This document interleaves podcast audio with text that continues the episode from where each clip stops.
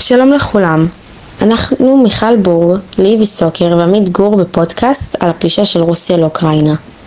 שלום עמית, אם הבנתי נכון, הפלישה נבעה מרצונו של הנשיא פוטין לפלוש לאוקראינה בכדי להבטיח שאוקראינה לא תצטרף לארגון נאט"ו. ארגון נאט"ו הוא למעשה ברית צבאית בין 30 מדינות צפון אמריקה ואירופה. כן, כמו שאמרת, זוהי סיבה אחת. אף על פי שהצטרפות זו אינה מצויה כרגע על הפרק, והפלישה אף נובעת מרצונו של פוטין להחליף את המשטר. ומה קורה לאזרחים של אוקראינה? הם נאלצים לברוח, ובעצם הופכים לפליטים. ובעצם ההגדרה של פליט היא אדם שנמלט מביתו או מארצו בעקבות מלחמה או משום שהוא נרדף מחמת גזעו, דתו, לאומיותו, שייכותו לתנועה חברתית מסוימת או דעתיו הפוליטיות? כן, במקרה הזה רבים הפליטים בורחים לפולין. למה? מכמה סיבות, גם בגלל הקרבה וגם בגלל שפולין פתחה את גבולותיה לפליטים והכריזה כי לא תדרוש אמצעי זיהוי. תודה לך עמית. נמצאת איתנו כאן גם ליבי סוקר. לי, ראינו כאן מהגרים מסוג פליטים אשר מדינת היעד שלהם היא פולין. תוכלי לספר לנו מהן מדינות היעד הנוספות שלהן?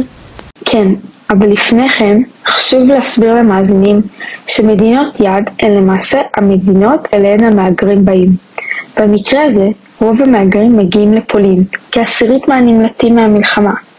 ככלל, המהגרים נמלטים אל המדינות הגובלות עם אוקראינה, כמו רומניה וסלובקיה, או למשפחותיהם במדינות שונות, כמו גם ישראל. למעשה, חלק מהפליטים הבורחים לכיוון פולין עוברים משם למדינות אחרות, כמו גרמניה, אך חלקם מעדיפים לברוח הישר למדינות הגבול, כמו הונגריה. גורמי הדחיפה של הפליטים הם חוסר הביטחון, המשאבים והפחד לחייהם ולחיי החשובים להם. וגורמי המשיכה הם המשאבים והביטחון שמדינות יכולות להעניק להם. תוכלי לספר לנו מהם התנאים הצפויים למהגרים? מדינות רבות נרתמות למען הפליטים.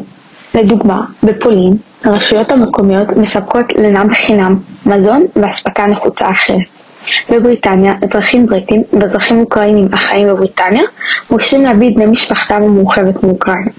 בריטניה אף הודיעה שיוכל לקלוט 200 אלף פליטים אוקראינים. וסרי לנקה הודיעה כי היא מאריכה את הוויזות של תיירים רוסים ותיירים אוקראינים לחודשיים.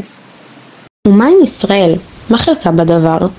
כאן המצב כבר יותר מסובך, לאור העובדה שישראל היא מדינת היהודים, ולאור העובדה שלרוב האוקראינים לא יהיה לאן לחזור, והם בעצם יתמקמו כאן אף על פי שאינם יהודים. פליטים היהודים מקבלים סל קליטה, אך אלו שלא אינם מרשים להיכנס, אלא אם שילמו סכום נכבד. ועכשיו נעבור בחזרה לעמית. עמית, מהו בעצם העתיד הצפוי לפליטים? גם העתיד הצפוי להם לא מסבר פנים. הפליטים חווים חוסר ודאות בשל העובדה שרובם כעת מחוסרי עבודה ואף מקום מגורים. לחלקם כבר נחרב הבית וכולם לא יודעים אם יחזרו ולאן יחזרו. נשמע שהעתיד לא יהיה מזהיר במיוחד. לא הכל, ישנם קשיים רבים שהם יחוו ואף חווים. כמו למשל, חלקם נאלצים להשאיר משפחה מאחור, בלי לדעת לשלומם. הם נאלצו לקחת רק כמה פריטים והשאירו את כל ביתם והחפצים החשובים להם מאחור, ובנוסף לכל הם חווים קושי נפשי לראות מה קורה למדינה שלהם. כל אלה הם רק חלק מהקשיים הנפשיים שהאוקראינים מתמודדים איתם.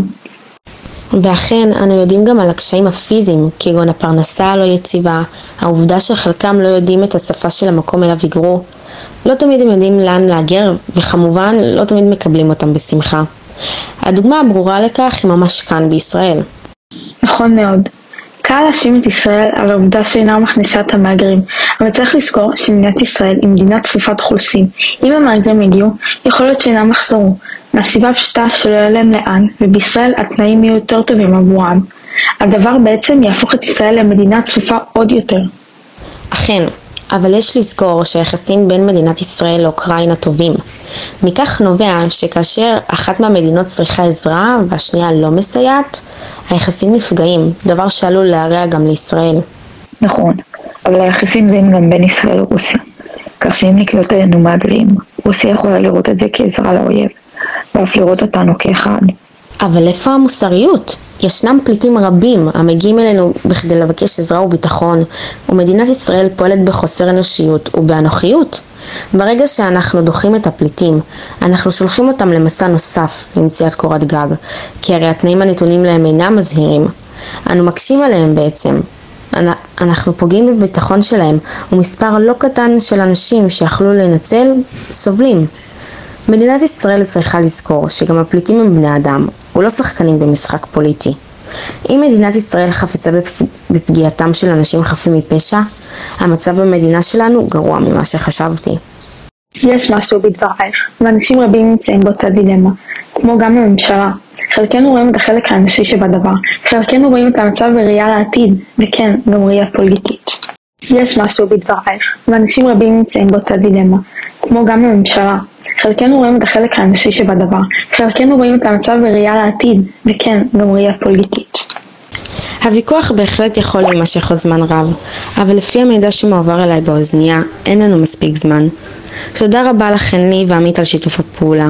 בזאת נגמר הפרק שלנו להיום. ערב טוב לכולכם, נתראה בפרק הבא.